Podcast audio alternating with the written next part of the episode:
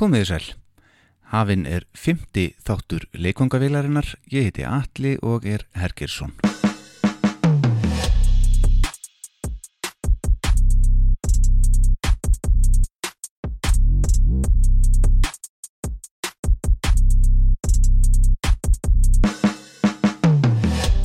Við erum að einbytta okkur að tónlistafólki frá Akureyri og í þetta skiptið þá hittum við fyrir fyrstu konuna í þessari þáttaröð. En það ber að taka það skýrt fram að ég sem þáttastjórnandi er full meðvitaður um að það hallar ansi mikið á kvenkinnið í þessum þáttum hjá mér en mér til varnar þá stendur það einungis til bóta. Það er Estrella Dam, léttul, sem býður upp á leikongavillina.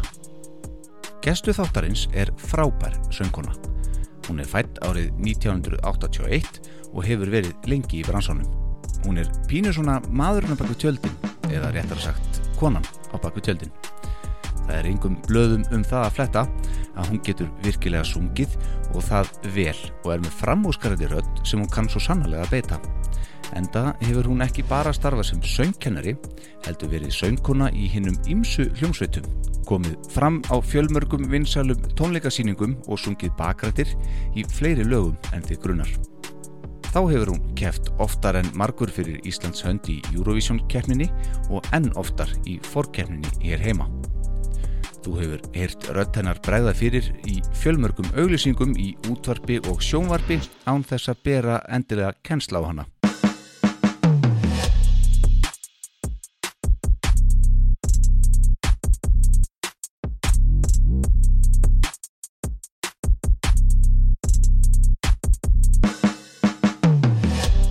Ein af þremur sískinum sem öll eru á kafi í tónlist. Hún er í dag vinsæl útvarpskona og hún heitir Erna Hrönn Ólafsdóttir og við förum yfir hennarsögu hér eftir örskama stund. En auðvitað, þá hefði við leika á því að heyra fyrst lag sem tengir okkur við Ernu Hrönn.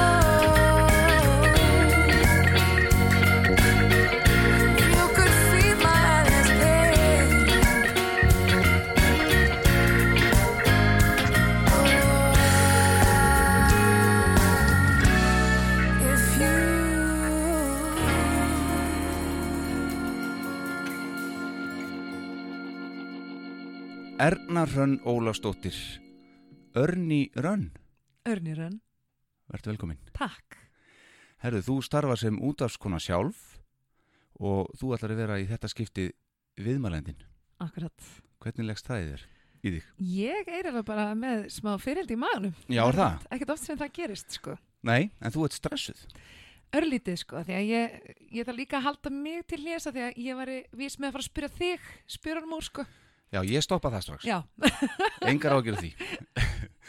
En ég sagði hérna í ingangnum áðan að þú ert pínu svona konan að bak við tjöldin. Svona Ok. þegar, þegar kemur að söng. Það er rétt, Þú það er ert í, svolítið rétt. þú, Já, þú ert í bakrata sveit Íslands. Já, Hvenær byrjar að syngja?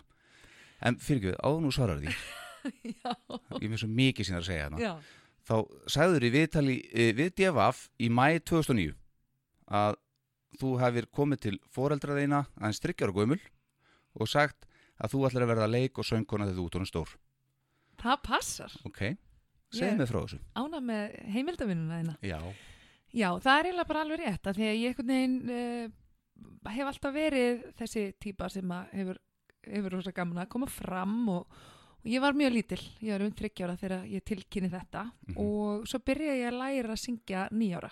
Já. Þannig að einhvern veginn láði þetta alltaf fyrir mér, ég prófaði að læra á hljómborð, ég fór á blokkflötu og eitthvað svona en, en langaði að læra að syngja og, og ég bjó í sveit á Hrafnagili, þar hafði enginn svona ungur lært að syngja. Þá var sérst næsta fyrir mig ætli hún ekki verið bara um tvítugt eitthvað slis og ég fekk undan þá bara til þess að fá að prófa og var þar í tíu ár. Af því að svo ung? Já, af því ég var svo ung. Já, ok. Og svo náttúrulega komið fleiri kjölfari þannig að ég svona brautaði þessi ísil með það. Já. En þarna var bara góður skóli En Já, þú talar um að þú að byrja þarna á, á hljómborð, blokkflötu Já. Spilar á hljóðfæri í dag? eiginlega ekki nei Nei ég tók hérna þegar ég var tvítu að verða þá tók ég fyrsta stig í píanói bara því mér langaði, þú veist Já. og hérna Og tónfræðina? Máli var tónfræðin Máli er að þegar ég var læra að syngja þá þurfti ég að læra það allt saman líka Já, já og ég hætti þegar ég var sérst komin yfir í hljómfræðina. Mm. en þá var líka ansið mikið að gera sem maður náttúrulega nú sagði, þá var ég sko ó, Kás Ólett var í MA var læra að syngja, var í heimavistaráði fulltrúi, nefnda í eitthvað varandi nýja heimavist, ég var svona einhvern veginn allt í öllu. Mm og þá let ég algjörlega þetta mæta afgangi hljómfræðina. Já. En það bitnar ekkit á, á þér þegar þú ert að syngja Alls ekki, af því að ég, veginn, ég heyri rattir. Var það ekki eitthvað lag? ég heyri rattir. En Söngstu það kannski? Ég gerði það reyndar af því ég var meðlum með tóðmobil á sínum tíma. Já En hérna, það hefur einhvern veginn alltaf fyllt mér og kannski þess vegna lendi ég svolítið í þessu bakrætadæmi. Mm. Þá hérna, Lendur í bakrata dæminu ef maður hugsa þannig sko, af því að ég hef alltaf, þegar ég hlusta á músík, alveg frá því að ég var mjög lítill krakki, þá, heyr, þá heyri ég í hausnum á mér hvernig það væri flott að rattsetja. Já, það er svoleiðis Það er Og það er búið að vera þannig bara frá, eins og segir, frá því þú varst barn Já, já, já. Og oft náttúrulega, þú veist, það var ekki alltaf sem maður var, maður var stundu falskur, skilur en þannig bara læri maður og fekk stundum að heyra það í bílnum og svona bara, nei, hérna, þetta var falskt. frá fóreldriðinu Já, já. bara eins og segi, maður náttúrulega lærir Já, og þannig bara þróast þetta. já, Ég er náttúrulega svo ótrúlega lansum að hafa bara, og kannski það ástæðan fyrir að ég hef kannski ekki farið eins mikið í frontin, er að ég hef náttúrulega bara fengið að vinna með nánast flest öllum hér á Íslandi, stærstu nöfnunum og, og bara í þessu verkefni því að, já, Já. það er bara, það er hjartað.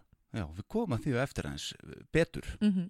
reynum að taka þetta í einhvers konar tímaröð uh, ég sá í heimildavinnunni góðu að þú uh, fegst þér karaoke kassettur og söngst með þeim mm.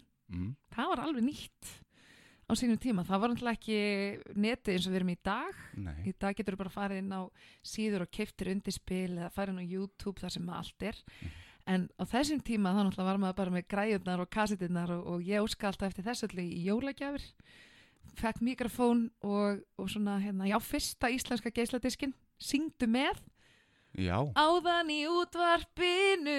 Ykkur rosa lög, sko akkurat og hérna þannig þegar ég svo sérst fer líka erlendist þegar ég er 14 ára þá datt ég nú svona markað og það var bara því líka veistla að sjá hann einhverjar karaoke kassettur Þannig ég vestla alveg fimm og kom bara með fjársjóðin heim og, og þar var maður að syngja með Phil Collins og ég veit ekki hvað. Já, og heimilisfólki bara liði við þetta. Já, já. Já. Nú eru bræðurðinir báðir í, í tónlist. Mm Uh, Brynjar, trommuleikari, mikill þungur okkar í. Thrill of Confusion. Thrill of Con Confusion hittir bandið, akkurat. Og svo Jens Ólafsson í Brynpólís. Jú, jú. Og, og hafið þið eitthvað svona spila saman eitthvað á því? Nei, Nei? alls ekki sko. Nei. Við ræðum það stundum eins og við Jenny að kannski komið tíma að fara að gera eitthvað. Svo náttúrulega bara býr hann í Danmörku, ég er hér og allir í sínu. já, Þannig að það er ekki komið ennþá. nei. En við svona tróðum upp svolítið í amalum og svona hjá eins og hjá fóreldrum okkar en þú veist, við erum ekkert að gefa okkur út fyrir það, þetta er svona algjörlega svona prívat. Já, þetta er bara fyrir þá nánustu. Jenny myndi ekkert vilja láta fréttast að hann var að syngja einhver, einhverja popballuður hérna. Jú, jú, er hann ekki að fara að þróskast eitthvað upp úr uh, svona mesta þungrákinu hvað það var þar? Jú, Það er rokk að vera þann, þar líka sko. Algjörlega, frábær söngvari. En þú sem krakki, Mm -hmm. uh, sumarið 1995 þá var hérna smá svona gill í gangi að Hemmi Gunn, Pétur Kristjáns og Ómar Ragnarsson ferðust um landið og leituð að, að hæfileikaríkum ungum söngurum og söngunum og þú tókst þátt ásamt veit ég Friðrik Ómari en, en hvort ykkar komst áfram. En svo vinnur þess að sömu keppni þú eldir þetta dæmi bara á Hornafjörð og vinnur þetta þar, segð mér hans frá þessu. Já, þarna kom sko geisladiskurinn syngdu með að, sérst, afar, kom af afar góðum notum. Já, af því að við Freyrika mitt sungum sama lagi í þessari keppni og það verið mitt áðan í útvarpinu heyrði ég lag og við sérst að greinilega vorum ekki að heila dómlundina en þá ákvað ég að vera svolítið sniðug fara til Hafnar í Hotnafyrði og uh, bara gera eitthvað allt annað söng hérna Seti Owens Já.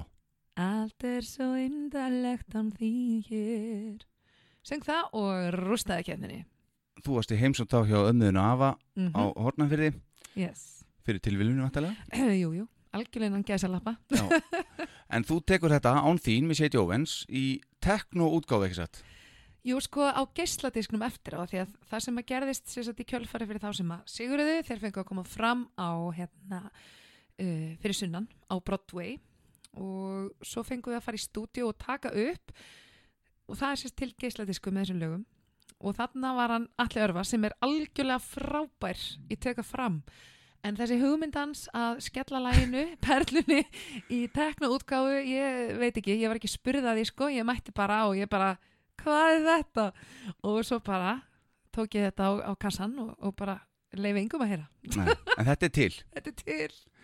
En svo, hérna, ef við höldum að áfram þetta, þá, hérna, í heimildafinu minni góðu, þá sé ég í eh, blaðinu góða Æskan í uh, desember 1994, þar sem að er svona viðtal við þig, að auðvitað sagt frá því að þú komir úr eigafærarsveit en hefur sigrað keppnin á Hortnafyrði, en þar kemur fram að þú hafir eh, einnig eftir handbolta ó já, með Þór.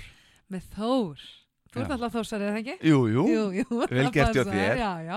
Ég var í markinu og bara minnist það kannski bara eh, eftir þessa handbólta tíð bara leikinni við káa, alltaf þessi rígur Mm alveg óþorlandi að spila við káastelpunar sem að gerðu í því að dundraði andlitið á manni maður Já. en þetta bara styrti mig það styrti mig en e, þ- svona er bara rígurinn og verður örgulega alltaf. örglega, örglega Herðu, all right, höldum áfram. Það er svo margt hérna eftir sem við höfum eftir að koma inn á. Uh, í sveitinni, það kemur fram í dagblæðin degi í mars 96, þá tókstu þátt í uppsetningu Freyvangs leikhúsins já, á uh, sumar á Sílandi. nákvæmlega. Þar legst þú að eiginsögn fjallkonu, svín og gógó gliðru. ó já, en þá svínabúningin Þú átt hann, já, já, kemur Not- hann að nótum eitthvað? já, já. Nota við góð tilefni en við tölum ekki meir um það en Nei, nei, ég hérna þetta var ótrúlega skemmtilegt æfintýri þannig er ég yngst, ég er 14 ára Mhm. og elsta manneskjan sem var með okkur þarna var um 70 Já. og þarna lærið maður svolítið á lífi séð til Já, og þarna Eh. þú tilkynntir mömminu pappa að þryggja ára ætlar að vera leik og, og sönguna og Já. þarna ertu orðin það í runni. Þannig er bara að stíga ymitt, svona kannski fyrstu skrefin. Ég hafði náttúrulega verið með í alls konar svona kabarettum og svo leiðis, alltaf í, sérst, með annafótin í leikfélaginu, Mhm. en svona kannski ymitt fyrsta stóra verkefni var þetta. Já. Og þarna vorum við náttúrulega með snillinga, við vorum með Skúla Gautason sem leikstýrði uh, og Sníkla Bandsmann Mhm. með meiru og svo Kalli Olgis, hann kom hann í sveitina við þekkjum hann nú, flest er það ekki hann er náttúrulega einn okkar færustu hljófarleikurum Já. á landinu hann mætir hann í sveitina með sko því líka sjarmann og hæfileikana og, og einhvern veginn bara það var svo frábært að fá þessa vítaminsprautu inn í þess að flóruna Mhm. og ég hef alveg sagt það og ég sagði það við Kalla hann var að gifta sér í sumar þá bara ákvæði að standa upp á sviði og, og, og skella smá ræðu í loftið því að ég bara verðilega að segja að hann hafi veitt mér þann innblástur og mér langaði að gera meira. Þú unni mikið með honum eftir þetta? Já, mjög. Já. og hérna bara verið ótrúlega heppin með það allt saman. Já. En í þessari síningu var líka Benny Brynleifs, trommuleikari já, já, sjarma tröllið Já, í húsbandinu. Já, hann var alltaf ekkert svo gammal hann var hvað, 16 ára þannig Já, það getur passað. Og bara með sína síðu dökkur lokka og allar sjúkar í hann maður. Já, og svo var hann líka óslega góður drömmur auðvitað og er enn. En hann var, ég mann hann var snemma í því að fá skeggrót og hann var mikið öfundaður af því. Já, bráð blessaður. Akkurat. Mm. uh, Byttu nú við eh, 16 ára flyttið út til Akureyrar Við vorum búin að tala um þú tekur þátt ekki satt í kabaretti eða hvað? Uh, nei, við vorum ekki búin að tala um að það nei, Nei. 16 ára fer ég sérst á heimavist. Já, ég raun og verið flytt kannski ekki alveg af því að mamma pappi byggu en þá í sveitinni. Mm en gafu mér leiði til þess að fara á heimavist og þarna eru 10 kilometrar í börtu þannig að ég er náttúrulega luxus pía er á heimavistinni, fætt reyðbili styrk og ég veit ekki hvað og hvað. Og var fyrsta árið sérst, á heimavistinni og þriðja árið. Og svo eru þau flutt hérna inn á Akureyri og þá býð ég bara hjá þeim. Já. og það var á þriðja árunni sem ég tók þátt í kabarett ok Varstu ekkert búin að vera að syngja þá eitthvað í skólanum fram að því? uh, ég man ekki hvort þetta sé fyrir eða eftir söngvakennum framhaldsskóluna Nei. ég er ekki alveg með tímalínuna á reynu en þú veist, jú, jú, ég var alltaf náttúrulega uh, jú, var reyndar sko í fyrsta bekki Emma, þá vorum við þrjár saman hérna, buðsarnir byggum til svona a cappella sveit Já. enga, með engan undirleik og, og unnum einhverja hljónstakefni þar sem hétt Viðarstaukur Já, og þá vorum við bara að taka einhverja gamla slagar að þrýra dað og þarna kom sko rattpervertinn sterkur inn sko. Já, alveg. Og það, þannig að þú veist, jú, jú, maður stimplaði sig inn strax og svo fór ég þarna á þriði ári í söngjarni framhaldsskóluna og verð nú eiginlega bara að segja pínu sög á því þegar ég var að hita mig upp í klefanum í lögardalsvöllinni, Já. alveg að gera mig klára eitthvað hérna heyri ég bara í einhverjum sko gullbarka í klefanum hliðina á. Og það var náttúrulega bara Sverri Bergmann sem var bara sko að belta út og ég hugsaði bara, guð, hvað er ég að gera hérna? Þess er að fara að taka þetta, sem hann náttúrulega gerði. Já Þetta er árið sem hann vinnur. Þetta er árið sem hann vinnur og þarna er náttúrulega eins og ég segi þessar, þessar stóru kanonur, gói var í kefninni uh, já, það voru alls konar. Lendur í sæti, ykkur nei, Nei. ég lendi ekki neinu sæti. Og ég segi alltaf, ég lendi fjóraða bara. Já, það er ekki rosa góð, jú, var nokkuð tilkynnt fjörða nei, nei. En hvernig var það að fara suður og, og hérna syngja fyrir framann svona marga í lögutarsvöll ekki sett? jú, það Var þetta ekki svona stærsta sem þú hefði gert fram að því? jú, Svo var hann aldeilis eftir að stækka þegar að framlega stundir. Jú, það ég held sér alveg rétt hjá þér, ég held að ég hafi ekki sungið fyrir stærra venju þarna sko. Nei, örglega, já, þarna er ég bara að stíga fyrstu skrifin þar hrikalega stressuð og ég var einhverjum búningur kistu með kataleikritinu. Það var svolítið fyndi sko, maður náttúrulega ætlaði alla leið með þetta, já, en ég klæði mig í einhvern svaða búning, ég var með hérna fyrirleikara, ég var með tvo dansara. Þú veist, Já. þetta lag var nú kannski ekki alveg þannig, stopp með Sam Brown sko, you better stop og hérna, þannig að það voru allir svona í einhverjum rosa herrklæðum þarna og svo vorum við þrjár bakrættir sem við klættum, klættum í akrildúka og settum viskastykki á, á hausinn á þeim, þú veist, guð mig góður þetta var svo hrikalegt að maður hugsa út í eftir á sko. er þetta ekki til á YouTube? sko ekki kannski YouTube en ég á þetta á eitthvað? Þú skellur svona inn á YouTube við tækifæri þetta er rosalegt, af því að greið bakrætta stelpuna mínar Já, það náttúrulega sko var eiginlega allt talað það bara, þú veist, það tóku bara hálft sviðið af því að þú sér þetta er hvítt akrildúka efni já, og það voru náttúrulega bara svo breyðar í þessu sko, grein og náttúrulega ekki, það voru ekki feitar en guðum góður, þetta kom ekki vel út fyrir þær En þú sagðir áðan hérna skemmtilegt orð, þú sagðir þá kom uh, hérna rödduna pervertins, er það ekki? Já. Eitthvað sliðis. Uh, ertu svona þegar þú ert að keira og kemur lag í útarpinu, ertu, þá, ertu að ratta? Já, Þú syngur aldrei með eins og aðalsöngvarinn er að gera eða hvað? Það fer bara eftir stemmingunni sko en yfirleitt þá er ég komin með einhverja aukarödd sem að er helst ekki í læginu. Já, Ég er alltaf að leita að, þú veist, einhverju auka. e Það er- einhver aðeins meira. Einhverju aðeins meira og það stundum alveg bara fæ ég alveg bara, hvað er að þessu liða? Hverju hendið ekki þessari rödd með, skilur við? Oh my god, það vantaði þetta. Sam Smith og eitthvað leið, ég var bara að senda hún línu bara. En ertu ekki búin að því? Ég er ekki búin að það en þá sko. En, það. en þetta, kannski er þetta bara einhver hálfger geðvila að vera svona, ég veit það ekki. Hvað heldur þú? Já, ég held að það sé bara hæfileiki. Já, kannski. Já. Allavegna hefur það nýst mig vel í stúdíóvinnu. Já, ég skal trúa því. Ég hef alveg tekið heilu gospelkóruna einn, þannig að það er bara mjög gaman. Já, ok. Þá ertu Mhm. bara að taka hvað margar rættir? Guð, bara, ég, ekki, já, ég bara hef ekki tölaði sko. Það er bara byggt upp og byggt upp á þannig til að þetta er orðið gott sko. Já. Það er mjög Og skemmtilegt. hvar byrjar þá? Veist, á hvar byrjaru,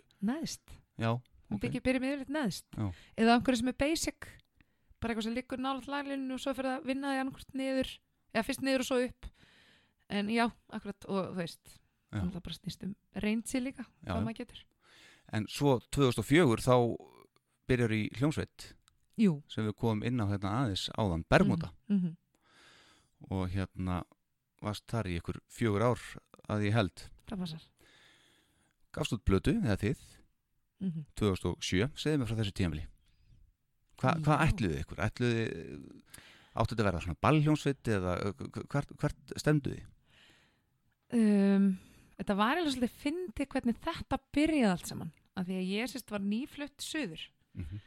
uh, var mér þess að ekki komin með íbúðuna mína á stundagörunum uh, ég bara er þarna að leysa vinkona mína af með lofgúru nýri bæ á menningarnótt og við gerum bara smá díl, hún sérst var að fara þarna til Ítalíu og ég sérst, fekk að vera í íbúðun hennar með börnum mín tvö uh, og í staðin ætlaði ég bara að leysa hana af. Hún var sérst að syngja með lofgúru og ég er þarna að syngja öll þessi party út um allt og allt þetta stöf sko, hrikalega skemmtilegt. Nema á því gekki, sérst, og veru eftir það, þá er ég bara að lappa á sviðinu þá kemur Gunni, trómari og hann sé bara, ég verð að fá að tala við þig.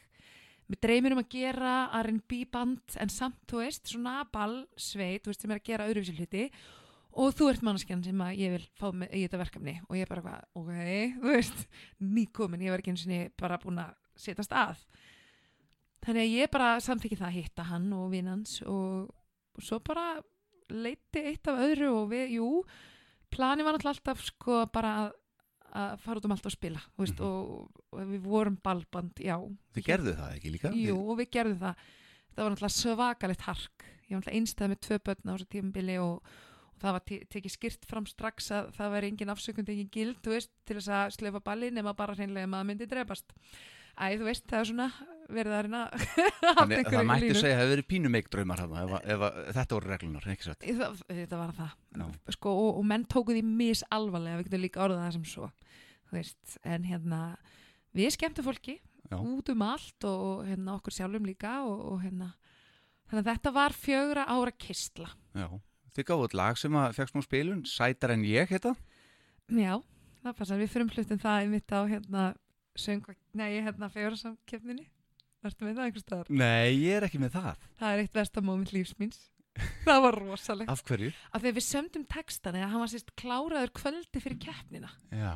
hvernig átti ég að læra þennan texta ég náttúrulega mátti ekki hafa neitt blað á sviðinu það var engin prompter og ekki neitt þannig ég skrifa inn í lóan á mér og ég man svo rosalega vel eftir því að það kom alveg bara eitt klipp þar sem að ég er bara með and, veist, lóan í andlitinu og þetta sést svo greinilega og þetta er svo hræðilegt og ég bara lappaði að nota og ég bara, ég er hætt ég, ég vil ekki vera þessi típa hræðilegt En þú hættir í bandinu, var það þarna þá eða? nei, ég hætti ekki, nei, nei, nei, Nei, nei, þetta ok. var miklu, miklu fyrr Já, þú, ok, já, ok, þú þetta hérna var sérst, veru fyrstu já, þarna er það frim, frimlita lag 2005, þú hættir 2008. 2008, já, já, ok, sögum tímaskorts, hvað var sem ekki að gera þá? skrifaði ég það einhvers Já, Já, já. Nei, við getum eiginlega sagt bara ég hafi haft mínu ástæður. já, Ég var ekki lengur ánað þarna og ákvaða að standa mig sjálfur mér já, og bara segja skilum við bandið. þannig að official skýringin á sínum tíma, skulum bara halda okkur við hana, tímaskortur, Já, já, segja það bara. Herðu, svo nokkuð meira sem þú er búin að gera uh, Singing Bee Já, Já. ég gref upp Þú greiður allt upp. Singing Bee. Já, maður hefur lent í alls konar verkefnum gegn tíðina. Það var svona, hvað var það að segja raunveruleika stemming ykkur í sjónvarpi Raunveruleika karogi Já, með lifandi músík eitthvað. Já, þetta var mjög hvert var þitt hlutverk þar Sko, þetta var svolítið fyndið að því að hérna, ég kynntist buffurunum mm í uh, þættunum hans hemma Gunn. Já. Hérna, það var lægið, mannst eftir því. Já, já, Það var alveg geggjað. Það var einmitt Kalli Olgis og Pálmi Sigurhjartar þegar voru þarna á píanónu og, og ég var fengið til þess að koma og keppa. þetta voru skemmtilega Þetta væri alveg að fyndi að ég skildi þetta inn af því að það ringdi með að því ég tók þátt sérst í ædolinu. Það var bara næsti punktur hjá mér, sko, en ok þetta er svona tímaröðin er einmitt svolítið þarna en ég já, þannig að já, það ringdi mig og mér fannst alltaf að fyndi að því ég komst aldrei lengra en sko 32 manna hópin í ædolinu og ég bara, ok, hún er ringið mig ég komst bara rétt hann í sjónvarpið og ok, fyndið en ég ger þetta skilur Mhm. og þar er Buffy að spila og við bara einhvern veginn klikkum veist, það gerist eitthvað þarna og, og alltaf þótt ótrúlega væntum þess að stráka síðan þá og þeir sérst eru fengnir í þetta verkefni Sing Bee og bennir um að finna söngkonu og hafa saman til mig og ég bara auðvita með þessum strákum, skilur við, hann erum bara þú veist, rattfélaga mínir skilur við, akkurat eins þengjandi þeir náttúrulega eru rattsveitin á Íslandi. Já, já, og jú, þarna var ég dressuð upp í íslenska hönnun uh, viku eftir viku og hérna mis, misfallega og bara var ekki spurð eða neinu, ég bara sett í eitthvað sett í eitthvað og, og hérna hann var Jónsi mitt kynir og þetta var þetta var mjög fyndið verkefni en mjög skemmtilegt. Og svona, að því að fyrst og fremst er ég skemmtikraftur, Mhm. þannig horfi ég að það. Þannig að þetta hendaði mér mjög vel. Ég var eiginlega fúla voru ekki fleiri serjur, þetta var gaman sko. Var þetta ein serið eitthvað? það var ein serja, syngjandi bíf, nei, dansandi bíflugurnar, mannst eftir þessu? Það voru hérna einhverja svaka sætarstelpur sem voru settar í einhverja bíflugnabúninga og dönsuðu þarna með og þetta var Já, veist, ég man eitthvað eftir ykkur buffinu og svona, þetta er svona eh, óljóst. Já, já, en, en ég man alveg að þetta var alveg það var alveg horfandi á þetta. Já, og eins með hérna þáttur með Hemma Gunn, hvað heit hann? Það var lagið. Það var lagið, það var líka skemmtilegt. Að En ég- þetta er á svipum tíma og tekur átt í ædólinu, rétt á eftir senast. Já, það er raun og verið svo litið eftir að því að 2003 er ég í ædolinu og þá er ég bara, þú veist, ég fór í pröfu á Akureyri, þú veist, þá býð býð ég ennþá þar og þá er ég bara, þú veist, þá er þrýr mánuði linir frá því ég átti barnið mitt, nummer tvö. Já, Þannig að ég ákvað bara, þetta gerir maður svona, þetta er spennandi og Já. mig sem langaði að verða söngkona og fá einhver verkefni, þá var þetta alveg ideal. já En uh, komst ekki áfram þá, eldur þá ædólið söður eins og gerðir á Hornafjörð. Það virkaði nú ekki þannig, sko. Jú, ég komst áfram fyrir norðan. Já, ok. Og hérna, jú, og þá var náttúrulega leiti á þetta sem bara þetta var eiginlega svolítið fyndin tími ef ég hugsa út í það, að þú veist, þannig er ég sko tveggja banna einsta móðir og þurfti að fara söður, skilur í næstu pröfur mm og alltaf þegar ég fór söður þá bara, ég ætla að nýta þessa helgi sem allra, allra best og þannig að maður var líka að djamma og maður var að nýta þetta ansi vel og hérna, Frí frá börnunum og, og veist. Og það er eiginlega bara sko hefni að ég við komist í sjónans upptökunar því að sko síðustu pröfunni ég gleymi svo aldrei. Það er svona rockar í þér ég, ég er rosa ro- rockar við getum nú alveg Já. verið saman í það. En þarna sem sagt er ég fyrir sunnan alveg að hafa gaman og kom seint heim átt að mæta minni með nýju morgunin út í Austubæ og ég bara svona rýmið að fætur bara, guð mig góður, ég er rallus, hvað á ég að gera? Ég er að fara að syngja þarna. Eitthvað lag sem ég var ekki búin að hafa með nóg af Don't Try to Fool Me. Og við máttum sérst velja úr nokkru lögum Ekkert undirspilið þannig eða hvað Jú, það voru undirspil Það var komið þar, þarna, já, sko, ok, já, og þetta var raun og veru bara make or break hvort ég myndi komast áfram í sjómanstæmið Já. og ég er náttúrulega bara, óguð, ég nú bara ég verið seint á dagskra og eitthvað hérna. Og svo mæti ég þannig neyrir og bara tilkynni mig inn og bara, já, þú ert fyrst. Og ég bara, Nei ha, hvað segirðu? Þannig að ég sko sé bara, ok, það kortir ég að sé frá svið. Þannig að ég fyrir niður á klósetin og ég þurfti að öskra í mér öll, ég Já. þurfti ekki að hita upp. Ég gata ekki að því að bara "Ah", þú veist, hérna. Já, og ég bara nei, ok, ég bara, nú verð ég bara að taka á stóra mínum og ég, þú veist, rugglaðist á textanum og hérna, fekk nú kredit fyrir það að halda samt áfram. Og Bubbi var ánaði með mig, þannig Já. ég komst ekki lítur að stressandi að vera saman einhverja dómnend ríkalega, en ég sko, ædolið ég minnist þess ekki með gleði að hafa verið í sjóhans útsendingunum, það Nei. var ríkalegt sko. Þar var ég í fyrsta hópnum og eins og ég segi, ég bjóð Akureyri hvað tilkynnt það að við værum sem sagt, eh, fengjum fataspons. Þannig er ég náttúrulega ekki, það eru nokkru mánuði linir síðan ég var búin að eiga batn og ekki búin að ganga almennilega saman og ekki ána með kroppin, þannig ég bara já ok, ég tristi bara að fá einhver fín föt þarna fyrir sunnan og mæti bara og, og, og, þá er okkur vísað í, í fatabúð sem að hétt Retro og var ekki fyrir konur í minni stærð. Þannig ég endaði bara í mínum eigin gallabuxum ég fann einhvern ból í kalladeildinni og fann einhvern svona skokk að þú veist, svona eitthvað svona yfir og, og ég fekk lánu stígvelir ég held kannski, ég fengjum skólíka, fekk lánu stígvel að sminkunni og svo fengu þess að flögu höfuði ég og sérst hárgræslu maðurinn að klippa með topp. Bara hann að rétt bara fyrir útsendinguna og þannig ég var með topp einhvern veginn ón í augu. Við varst að mála með eins og við væri sko 50 og ég bara, mér leið hræðilega og Já, ég heyri, þeir eru ekki líðið vel. Nei, og bara upplifun var sko, ég hef ekkert mikið tala um þetta. Þetta var ekki gott sko því að svo bara fengum við líka bara hérna leiðbyrningar og okkur var sagt, sérst, ég var náttúrulega fyrst á svið, það bara fylgir mér að vera þarna.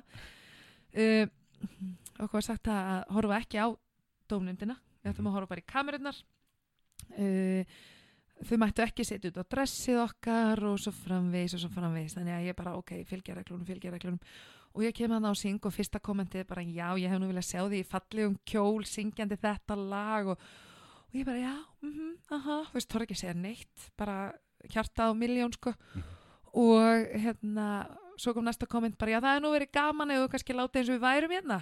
Þannig að hvert komment og fættur öðru var allt svona og ég bara niðurbrotin og hugsaði bara Samt á móti reglunum sem var búið að kynna Já, en svo var þetta nefnilega klift eftir á Já. af því að ég náttúrulega var fyrst þarna þannig að ég var tilhörnadýrið Mhm. og svo var náttúrulega bara að tala við þau eftir þetta Já. en ég fer sem sagt hérna bara hann á bakvið og á móti mér koma sminkan og hárgjörslumarinn alveg í tárum bara guð og þau voru ömuleg við þig. Og ég bara stjarnaði einhverju tauga aðfalli og ég bara ég ætla aldrei aftur að syngja fyrir fram að fólk. Aldrei, þetta var ógeð og ég stóð mítla og, og hérna bara allt svona. En hérna En þú er nú ekki staðið við það? Svolítið fyndi nefnilega sko eftir á að hyggja að hérna hann voru Þorvaldur Bjarni og minna, þau voru náttúrulega bara að gera sitt besta. Þetta var fyrst gett sem þau voru þannig dómnefnd skilur Er Þau- þetta fyrsta ædólið? þetta er fyrsta ædoli Já. Þannig að það eru Þorvaldur Bjarni og hann náttúrulega tóttmóbíl ég vinni með þeim, setna meir. Sigga Beintes, unni mikið með stjórninni. Mhm. Bubi Martins og eitthvað svona. Þannig að hérna, ég eftir á þá hef ég svona aðeins geta potaðið og sagt bara að þið voru ömuleg við mig. Og hvað segja þau? þau náttúrulega þekktu mig ekkert strax veist, en, en auðvitað náttúrulega var þetta bara, eins og ég segi, það voru allir að gera sitt besta. Það voru allir að fara í nýtt hlutverk og, og reyna að vera svolítið, þú veist, hörð og eitthvað svona. Og kannski var bara ekki búið að segja reglunar við þau nú skýrt, Nei, nei. en ég lærði rosa mikið af þessu þó þetta hefur brotið mig niður en Já. ég myndi aldrei gera þetta aftur held ég. Ekki nema, já, ég, ég veit ekki. Ég myndi hugsa mig vel um. Já, ánum fyrir þetta aftur. Já, og þetta kannski kendi mig líka bara þegar ég fór að kenna söng setna að passa alltaf hvað maður segir og hvernig maður kemur í frá sér því að það þarf svo lítið til að þú brýtur niður þegar fólk er að byggja upp sjálfstrust. Já, það er hægt að vinna með ungt fólk náttúrulega Já, bara fólk á öllum aldri. Já, ok, Já, já, já. þú ert að kenna að því að við ætlum nú að koma kannski að þessu eftir Já, við gerum það bara eftir. við gerum það bara Við eftir gerum það bara eftir. að því að mér langar aðeins að fara yfir ég sá að þú lærðir tákmálsfræði Já. segðu mér frá því, af hverju gerðu það? Það er nú saga sem tengist Akureyrinni góðu. Nú, Já, og það verður nú kannski ekki allir Akureyringar ánæðar að heyra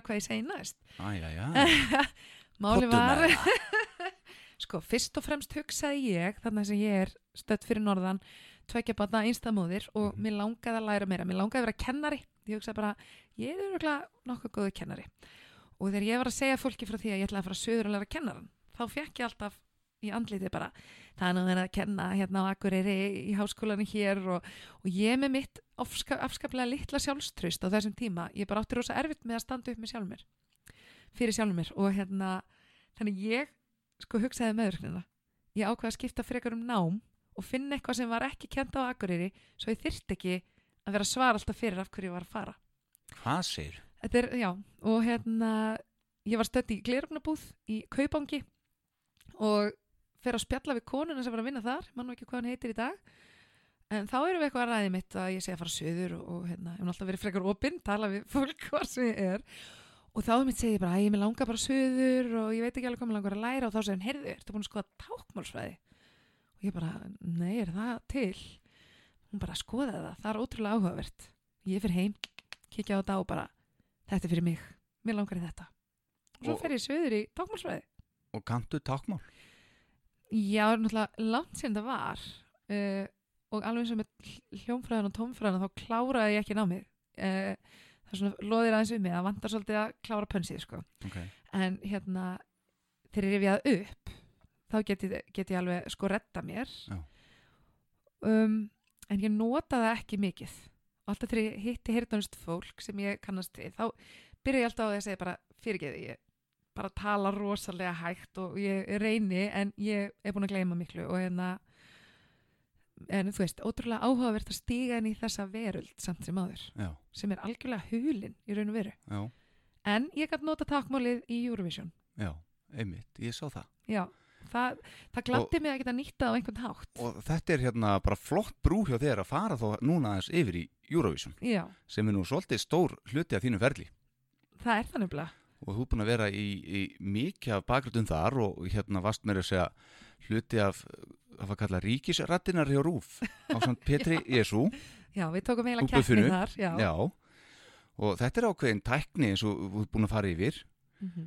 Og uh, segðu mér að frá þessu. Þú, þú byrja, þú er búin að syngja yfir, hva, yfir 50 lögum eða ekki? Jú, á einn eða annan hátt. Já, uh, byrjaði á því að ég var ráðinn inn í verkefni þar sem að Matti Matt var að syngja alrödd man ekki hvort að við erum að tala um 2005-06 eitthvað sliðis og þá hérna sko mjög eftirminnilega að vera líka sko hérna þykjast spila farfísu já, svona, já, vist tegund af, af hljómborði, svona gammaldags já ég bara Það- kveiki ekki á farfísu Nei, sko, ég, þú þyrftir að horfa á þetta myndband sko, þannig ég var stór, ég var rosa takta þarna. Já, já. var þetta lægi eldfjall? Nei, nei, þetta er löngu, löngu áður en það var sko. Nú já, ok, Sérst það. ekki á mér? Það já, ég bara mani hvað ár það Já, þú meinar það, ég ætti að vera að mér. Nei, það sést ekki á þau já, ok. Þannig að þarna detti ég inn í þennan pakka og svo bara einhvern veginn fer boltinn að rúlla og við bara, já ég veit ekki svo sem, ég get ekki kannski endilega sett puttan á það. Þú veist, hvernig ég byrja að fara í bakrættir þú veist, ef ég hugsa tilbaka, þú veist, með bakrættinar í Reykjavík, hvernig var Erna hann eitthvað nafn, Mhm. eða þú veist, af hverju þú veist, ég man bara ég var í háskólanum og allt í hún fekk síntal ég man ekki hvort það var Ejólfur Kristjánsson sem ringdi mig og hann sagði, heyrðu, við hérna bara aldrei heyrti honum, aldrei tala við hann.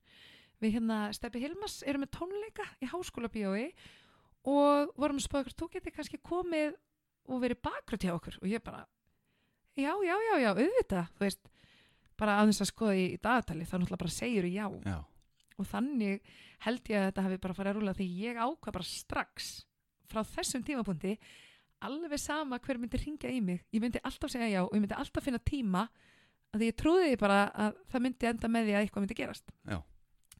og þarna í júrónu þá sem sagt bara hefur hefur tímin liðið og, og hérna, einmitt talandu buffið þá nefnilega söng ég aðalrödd og fekk þá í bakrættir um mér. Já, pældi því, pældi það var úkslega bólt ég bara, þá tókst þú símtalið. Já, tók ég sýndali en já, ég, þetta eru yfir 50 lög. Við Pétur Örn vorum hann eitt árið bara í mitt ráðinn sem ríkisrattir fólk mátti nota okkur eins og þau vildi. Um, og í sömum lögunum var ég bara í stúdíónu uh, af því að þá að uh, kannski söngunan uh, sem var þá að hafa bara kallmenn á sviðinu mm en ég syng rættinnar á teipinu. Hann söng ég lag með Hafa Haf eftir Svölu Björgvins, ég syng með honum allan tíman Já. bara tek sérst, með honum allan tíman og þar var ég með honum á sviðinu. Þannig að eh, þetta er svo ólík verkefni. Já. En eins og ég segi, jú ég ekki að nálgast 60 í dag. Þessi lög, já, það er svo leiðis ég er með gamlar upplýsingar með þess já, pældi því. Já, og svo er náttúrulega næsta kefni næsta kært verður við viðlóðandi hana? Uh, sími farin að ringja já, já, geri það alltaf sko. Mm -hmm. um, margir útlendingar líka sem hafa samband. Ég hef ekki nefnt að sinna því. Ég viðkynni það, ég gerði það eitt árið og var með geggjalag það virkar raun og verið þannig að þessi sem, er, þessi sem er að semja lög Mhm. þeir hérna, hafa samband og reyna að fá mann til þess að vera með sér í þessu öllu saman en nú ætla ég bara að segja það sem að hefur kannski ekki átt verið sagt upphátt en það er bara ég, ég vil ekki ljúa því að ég eigi eitthvað í þessu lægi Mhm. af því að sko ef þú ert ekki þar, ef þú ert ekki einn af meðhundunum þá kemst ekki í gegn, það er bara þannig Mm. Og ég ákvaði að vera heiðaleg þar sem að við vorum með rosa flott lag bara fyrir sko mörgum, mörgum árum síðan. Um, og ég sagði bara ég, ég, ég skráði mig fyrir textanum, ég á hann en ég hef ekkert í þessu lagi. Og ég segi að þess vegna hef ekki komist í gegn að þetta var geggja lag. Og lendi, sérst, þau sendu lagi annar staðar sérst, í aðra keppni. Mhm. og það lendi í öðru sæti þar. Og eftir hérna Jettart bræðrunum með hérna Hanakamp, Hanakampana var það ekki hérna Ég er ekki alveg svona í ísku keppninni Já, já, jú, já, já, já, það voru hérna tveir hérna alveg einmitt. hoppandi en sérst lagi sem að Það var ekki hárið svona upp í lofti jú, bara jú, jú, jú, jú, jú, akkurat. En sérst, já, þannig að mér varst ég svolítið svona bara búin þar. Ég var ótrúlega svegt að ekki komið það fram að því að ég haf blöndur ennþá í mér að gefa bara út er góður og þetta er svolítið uppgjör bara e, yfir erfið tímabil hjá mér. Þannig ég hugsa bara, ég þarf eiginlega að gefa þetta út. Og það kemur örgulega því, já, ok, það er önnur saga. Önnur saga. En jú, ég, ég er að fara að syngja einhver demo og ég geri það, en vil að spáði að senda bara einn lag núna í ár sem ég sendi inn fyrir fimm árum síðan og komst ekki í gegn maður bara prófa aftur Why Bara not? sama lag Já. Já. Kannski erum við bara að hendur svo til kosmosi núna og það lag verður kannski bara sigurverðin í ár. Mikið rosalega verið það geggja bara hefur þáttinn minn Ég er að segja það. Allir að hlusta. Já Ha, en það er, það er aðeinslegt. En, byttunum við, svo 2009, þá ferðu í, sem bakgröð hjá Jóhannu Guðrunu í þessa ótrúlegu ferð hennar til Moskvu. ekki Jú. satt? Það passar. Segðu mér nú aðeins frá því, þá, þá heldum við við værum að fara að vinna. Við vorum ansið nálægt í. Við vorum það. Í raun og veru. Þetta, Þetta var- þetta, þetta, var náttúrulega, þetta lag var frábært Já. og hún náttúrulega með svakalega rödd og Mhm. sem nýtur sín einhvern veginn fáránlega vel í þessu lagi Mm og hún var bara glæsilega á þessu sviði í þessum kjól og, og auðvitað bakrættir og allt þetta var, þetta small allt þarna. Akkurat. Og mér er að höfrungurinn í, í, hérna, í bakgrunninum. Já, í vídjóinu þarna. Já. Já. Það gekk allt upp. sem að var nú ekki beðið um en hann byrtist þarna óvend sem mér fyndi. Nú, Já, já, það er bara, þú veist í grafíkinu er allt í hennu bara komin eitthvað svona en þú tekur kannski eftir í næstur og horfir á myndbandi já, næsti í horfi, horfir að það alltaf reglulega. þetta var náttúrulega að sjálfsögðu gríðalega mikið æfintýri og þarna uh, kom þetta líka pínu óvart af því ég var ekki með við allt sem ég hefði gert í undakefninu og allt svoleiðist, þá var ég ekki bakgröndum í þessu lagi í undakefninu sjálfri Nei, einmitt, þú bættist við hérna eftir á. Já, og í raun og veru var bara öllum skipt út. Við hérna, enduðum hérna ég og Freyrik Ómar og Heyra Björk. Uh, þvílíkt teimi, ótrúlega gaman. En þetta var samt að ég var að segja við áðan. Þetta svona loðir aðeins við mig að ná ekki að klára hlutina. Ó. Og ég kláraði sérst hérna, því við tölum aðeins um táknálsvæðina, það tengist þessu. Þetta er sama tíma og ég sérst ætlaði að vera búin að hérna, klára táknálsitt, gera eins og þetta var að vinna í henni og svona og þú fæði símtalið, viltu vera með og ég bara svona, erna, mannstu hérna regluna en að með það jáið og þú ert nú ekki að fara að segja, segja nei við þessu skiluru uh, þrátt fyrir þess að rítger og ég bara auðvita fer ég með sem var til þess að, að rítger frá hold og svo ætlaði ég að byrja eftir á henni og þá kom næsta júruverkefni sem við ræðum á eftir og þá var hún aftur sett á hold og hún er ennþá á hold. Ég ætla að byrja, kannski er búið að fyrnast ég veit það ekki, en þetta var gríðalegt æfintýri, fórum hann út til Moskvu og ferlið líka Já. bara í kringum Moskvuferð var Já. ótrúlega mikið. Þú veist, maður fara í sendiráðið með hérna, passamyndað okkur, mútti ekki vera brosandi. Það er ekki erfitt að finna hana. ég þurfti að fara í sér myndatöku en hérna þetta var, þetta var mjög lærdómsríkt og En já, þarna er bara bara eins og hún gerist alveg. mest, en það ekki. og í raun og að sér líka bara á því að þannig fólk allstarað úr Evrópu og, og náttúrulega bara, þú veist, ekki bara þeir sem er að taka þátt. Auðvitað er náttúrulega þeir sem er að taka þátt eru á svo svipum stáð við. Já. Veist, okkur langar bara, veist, við deilum þessu samilega áhugamáli, þú veist, og erum að hitta fólk sem er bara einhverju gleðikasti Mm enda laust og svo náttúrulega má ekki gleyma að minnast á Eurofans eða þá sem að mæta hvert einasta ár með blaðamannapassan sinn.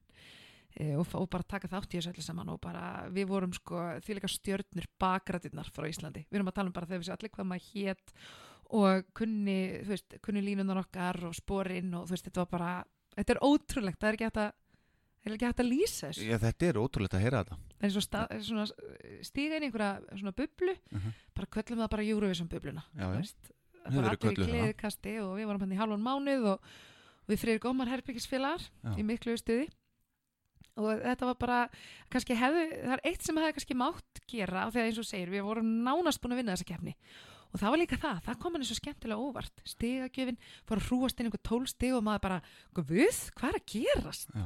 Fyrsta júra upplifunin að fá þetta beint í æð og svo er raun og veru anti-klæmaksi þegar keppnin er búin og það bara, heyrðu, nú þurfum við að drífa okkur á næði töskunar við erum að fara út og heim. Þú veist, við fengum ekki að fagna. Nei. það var það sem að maður var svona pínu svektum við búin að kynnast rosalega mörgum. Pétur Örn hefur náttúrulega gert mikið grína því að ég er náttúrulega kynnt, þú veist, það er bara allir eins og frændur og, og frængur af því að ég á mjög öll með að kynnast fólki og hérna, maður þurft að kveðja allt þetta lið þannig að við, við fyrir komum að stungum aðeins af á Euroklubin áður en fórum út á völl rétt hérna, áður rétt áður Já. en já, svo náttúrulega bara tók við hérna þegar við lendum hér á Íslandi að það var ekkert beint heim það var langt ferðalega náttúrulega og, og svo bara okkur tilkynnt það, það er móttaka Já. niður í bæ og, og hérna á Austuvelli og fyrst þurftu að fara einmitt í, í sendiráð, eh, nei ekki- ekki sendiráði heldur hérna uh, ráð, Ráðuneytið? ráðunitið eða hvað sem það heitir hérna hvað heitir þetta? Utanríkisráðunitið eða? Nei, bara ráðhúsið Ráðhúsið, já, já, fórum í ráðhúsið, þar skáluðum við og svo bara fórum við hérna og tókum lægið og bara miljón manns Mhm, það var bara eins og þegar íslenska landsliðið kom hérna já. Var Þetta þetta var- ekki góð tilfinning? jú, þetta var hreiklega gaman Já. og kannski líka eins og segi veist, aðal áherslan var ekki á mig mér finnst það var gott að vera með Já, þó ég hef ekki alveg verið í frontinum sko. nei, nei, ég skil. Ég er bassaleikari en ég Já. þekki það. það er ekki þetta Svona aðeins til hliðar. já, Já, já. nákvæmlega En svo byttu við ári eftir, þetta afturmætt Ellendis með Heru já, í Oslo. það var nefnilega svolítið fyndið sko í íslensku keppninni heima, ég var að reyfi þetta upp að þá var keppnin þannig að það voru tvö lög kölluð upp, já, náttúrulega svolítið þannig í dag en ekki alveg eins, tvö lög efstu lögin kölluð upp á svið og þá bara stóð ég frammi fyrir því að vera í báðum lögum Já. og ég vissi ég var að fara Já. en hvort var ég að fara með Herubjörg eða Jagvan Já. þannig að það var svolítið fyndið þannig bara, ok, ég er að fara en hvort lægið er að fara að taka þessi keppni Já. Varstu sátt við niðurstöðuna þar? já, já, ég hefði orðið sátt bara hvort sem var Já. og þá bara hófst ennitt æfintýrið og þá var maður náttúrulega eins búin að læra inn á þetta Já, ég las um þetta að þú passaði á því að þá varstu mætt með nafnspjöld og svona. já, já, Já. þá var Eitthvað sem að klikkaði á því þú varst í Moskvu. Ég hugsaði það ekki, það var svo mikið að fólki einmitt alveg bara, bara áttu nafnspjald og En af hverju? Ert að fá símtöl uh, frá útlöndum út af Nei, einhverju? ég raun og verið ekki sko, en ég Nei. hugsaði bara þetta er sniðið til að minna á sig af því að þarna ætlaði ég að fara að hefa sólofyrir sér til Já, já. hann er ekki ennþá byrjaður en það er hann að segja Já. Hvenær byrjar hann? sko, Guðrun Gunnars sagði mér alltaf þess að sögu að hún byrjaði ekkert sinn fyrir hún var orðin færtug ég er 38 þannig að ég á, ég á Þú hefur tvö ár til þess að spá í það. En þú er nú samt búin að vera smá sólu. Nú, veist, þú uh, sendir lög inn í keppnina. Ekki? já, ég hef náttúrulega sexinu verið frontur í kefninu Já, einmitt. Og byrju við, Glópagull, ekki satt? 2009. Já. Ég með þetta hana. Örlega dís, 2007. já, þá var ég með buffið Þá, já, ok, já. Já. Og hvað meira? Ástin mín eina.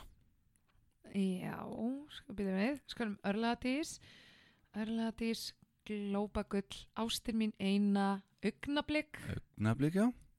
það, ég var alltaf svolítið svegt að það komst ekki lengra Svo varstu með drungalega balluðu 2015. Myrkrið hljótt. myrkri hljótt, text Já. eftir mig of course, þessum þú talar um hann í uppafeksa? myrkri hljótt Já. og svo hérna svo var að dúetin okkar hjartar Já. þykir líka afskaplega vænt um það lag I promised á you then. ennsku já, Já. við, Þar notaður þú takmálið. Þar ger ég tákmálsmyndmandi Já. og þess vegna held ég að það siti svona fastast kannski hjartanu. Reyndar ástu mín eina var svona það var besti árangurinn hérna þá Mm veist, af þessum þreymur skiptum og, og komst áfram í úrslitin og það var ós ævintýri og gaman að vinna það. Og tengist líka tákmálsfæðinni svo finnst ég hvernig það tengist allt ég geti talað inn í allt kvöld sko. Já.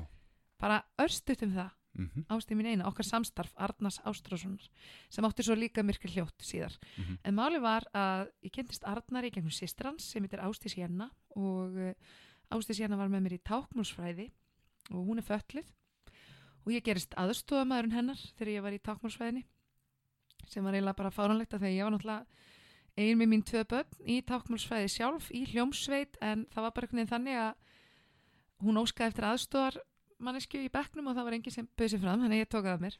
Og ég hjálpaði henni að klára sína bíðaritgerð en kláraði ekki mína. En hún gifti sig og ég söngi brúkupinu hennar og hérna þá kynntist ég bróðurinnar Mhm. það var einmitt brúðkaup sem ég hef aldrei prófað að taka þátt í áður af því að hún, sagt, hún notast í tákmál og maðurinn hennar var ennskumælandi og er og, og, líka píjónuleikarinn sko. Þannig að þetta er og verið ferlið þannig að eh, já og svo tákmálsönguna með mér Já. fyrir þá sem að voru einmitt að nota tákmál og fyrir ástísi líka Já. og þá syng ég túlkurinn er að túlka mína músík, Mhm. þessi minn söng yfir á tákmál og hún speklar hana í raun og veru tákmálsöngvarinn og þe- þetta er bara ótrúlegt ferli sem að ég kynntist þarna Já, heldur betur. mm -hmm. Þetta hefur verið mikið batteri. mikið batteri Já. þannig að, já, en það er En já, þetta ástin mín PR-vídeó? Það sem hún notaði svo tákmálið. já, Það, sem sagt, þetta PR-vídeó, hvað hva, hva heitir það á íslensku? Þetta er svona, kynning já bara, Já. já, myndbandi bara, hvernig, þetta var í raun og veru bara myndbandi ég fekk þess að hugmynd uh, ég hugsaði bara, að, veist þau gleymast alltaf Já. heyrnar þess að fólkið það veit ekki hvað við erum að syngjum jú, við getum gert textavídeó, en hvernig væri bara skell í tákmálsvídeó Mhm. og ég fekk stúlku til að hjálpa mér og ég ætlaði bara að fá hana til að syngja á tákmáli og hún bara segi við mig, gera það sjálf. Og ég bara, guð, ég bara tristi mér ekki þess hvað langt sér var í þessu námi. Nema hvað að við bara prófum. Og meiri segja sko upptökumæðurinn sem að tekur þetta upp á vídeo, hann er, er, er hirnalus og þannig að ég bara eh, hendi mér í djúpilaugina. Þau er alltaf hlóa oft að mér að því ég var að tákna eitthvað bandvittlist og þau bara, guð, sko, varstu að segja núna? Oh my god, bara við erum að taka þetta aftur þetta, var ekki one take. þetta var ekki vontig jú það var það reyndar í lokin sko en, en fyrstu æfingarenslin voru hilarious og þau bara stundu bara guð, nei við erum að byrja aftur, þú varst Já. að segja eitthvað allt annað núna. Já. og eins og ég sé, þetta var ótrúlega magnað og ég var svo stressuð þegar við vorum að lánsa því ég bara, guð, hvað finnst fólki er ég, þú veist, er ég í rugglinu og þá er ég ekkert að tala endilega um okkur heyrandi fólki heldur, hvað finnst tákmálsheiminum um þetta Mhm. döff fólkinu er ég alveg að skýða upp á bak en þú veist, fekkur rosalega jákvæð viðbröð og Já. þú veist, ég alveg eftir þetta gerðist Greta Salome notaði þetta síðar Mhm. þegar hún var búin að vinna keppnina og hérna meiri segja dásamdar stelpan sem hjálpaði mér með þetta allt saman hún fór alveg að- tákna í stóru keppninu úti, þá var óskað eftir tákmáls Já. fólki þar, hún er rosa flott tákmálsönguna Þannig að þú ert brautriðandi líka. um, Já, ætli það ekki bara Já. Ég er alveg að afa stolt af þessu Já. og þó að, þú veist, mín tákmálsvæði skilji þetta eftir sig, þá var það alveg eitthvað Já, já, akkurat. Mentunni þín. það er svolítið þannig. Áðinu hvaðum Eurovision. Uh, þá hérna sá ég í ykkur viðtalinu við þig að þitt uppáhalds Eurovision lag sé Vigvam frá Nóri. Er það ennþá Mm. þitt uppáhalds? Það er eitt af uppáhalds Mm Há kemur okkarinn upp í þér? Já, það er nefnilega þannig, ég er gríðalegur okkar, ég lítið sínt á mér þá hlið en Já. hérna bara elska kraftinn og, og þú veist frumleikan og allt þetta, fjölbreytnina og ég er bara alveg, En þú þið áðan að hérna uh, að Jenni bróðin já, hann myndi nú vantilega ekki fara að syngja eitthvað popla með þér akkur fyrir þú þó ekki og syngur eitthvað gott rockla með honum það er kannski málið bara er það ekki bara málið? við tökum bara rock and roll Já, þið hittist svona mér í leiðist að það Já, það er góð hugmynd, Já. það er góð hugmynd ég held það Já, Herðu, all right, uh, en ertu atvinnu söngkona í dag? Vinnur við þetta engungu? nei, nei, nei, nei, Nei. ég hef verið að vinna í útvarpi Mm -hmm. Uh, núna undanfærin ár hjá K100 Já, ég var samt eiginlega að meina veist, ég veit alveg auðvitað er það alvöru vinna en ég var samt svona einhvern veginn að meina fyrir utan það Nærðu að hvernig er- framfleita þér á það Já, það já, akkurat, takk Já, ekkert mál. Uh, útvarpi hefur svolítið fengið fókusinn núna. Uh, En veistu, mæturu á modnana í það jobb og undirbyrð þáttin eða mæturu bara hlaupandi rétt fyrir útsendingu alltaf hlaupandi. Alltaf hlaupandi? Alltaf hlaupum. Ok. Um, þá er ég bara búin að undirbúa mig heima við. Já. Og í raun og veru þegar þú ert í útvarpi þá ertu stöðut að undirbúa þig. Mhm. Bara ég er sko, ef þú skoða myndirnar í símanum mínum, þá er það bara screenshots endalist. Ég bara, já, þetta er snið, tala um þetta. Þetta er geggja, þetta er geggja og svo bara hendi ég í skjál og, og svo framvegis. En ég sést þér að vinna þar núna 10 til 2, þannig að jú, ég kem þar á hlaupum svo skrifa ég reynda líka í morgunblæðið á hverju minnsta degi, lítinn móla yfirleitt tengdan tónlist eða einhverju sem er að gerast, einhverju viðtala á K100 eða hvernig sem það er, þannig ég er svona búin að vera svolítið blaðamaður líka. Já. uh, reyndar er þetta svolítið að breytast af því að ég er að leita mér að einhverju nýju.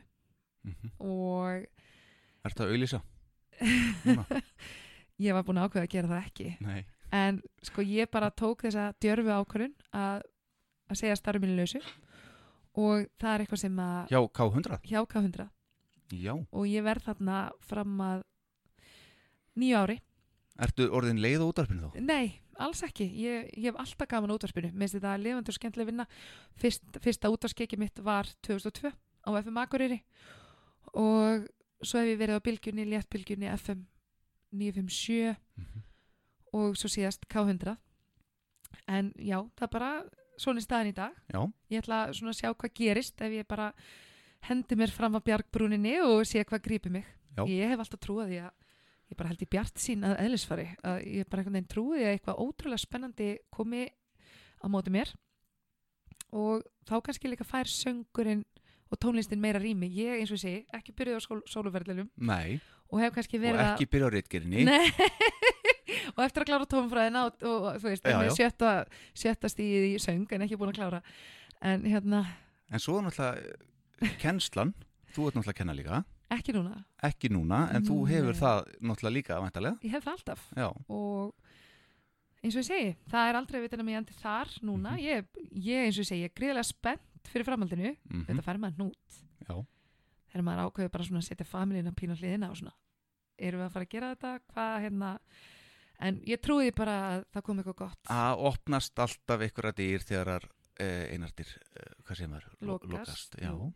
nákvæmlega, er það ekki bara þannig Jú, og ég eins og ég segi, þú veist, þegar ég var einmitt að skoða bara hann ég hitti þig, þá var ég alveg að skoða, ok, hvað hef ég verið að gera í söngnum og þá er það bara Eurovision og það er Eurovision og það er Eurovision og svo er ég búin að syngja fyrir hinn, hinn og þennan, alls konar, bara alls konar fólk og, og hérna náttúrulega fókusir mikið á ball, ballið, þú veist, það má náttúrulega ekki vanum þetta það, Nei, ég er, e, það, er, það er minn styrkleiki líka og, og hérna, ég hef náttúrulega bara afskaplega gaman að að, að stíga á svið og, og skemmta fólki og þú ferða strax tilbaka, sko ég Mhm. meina.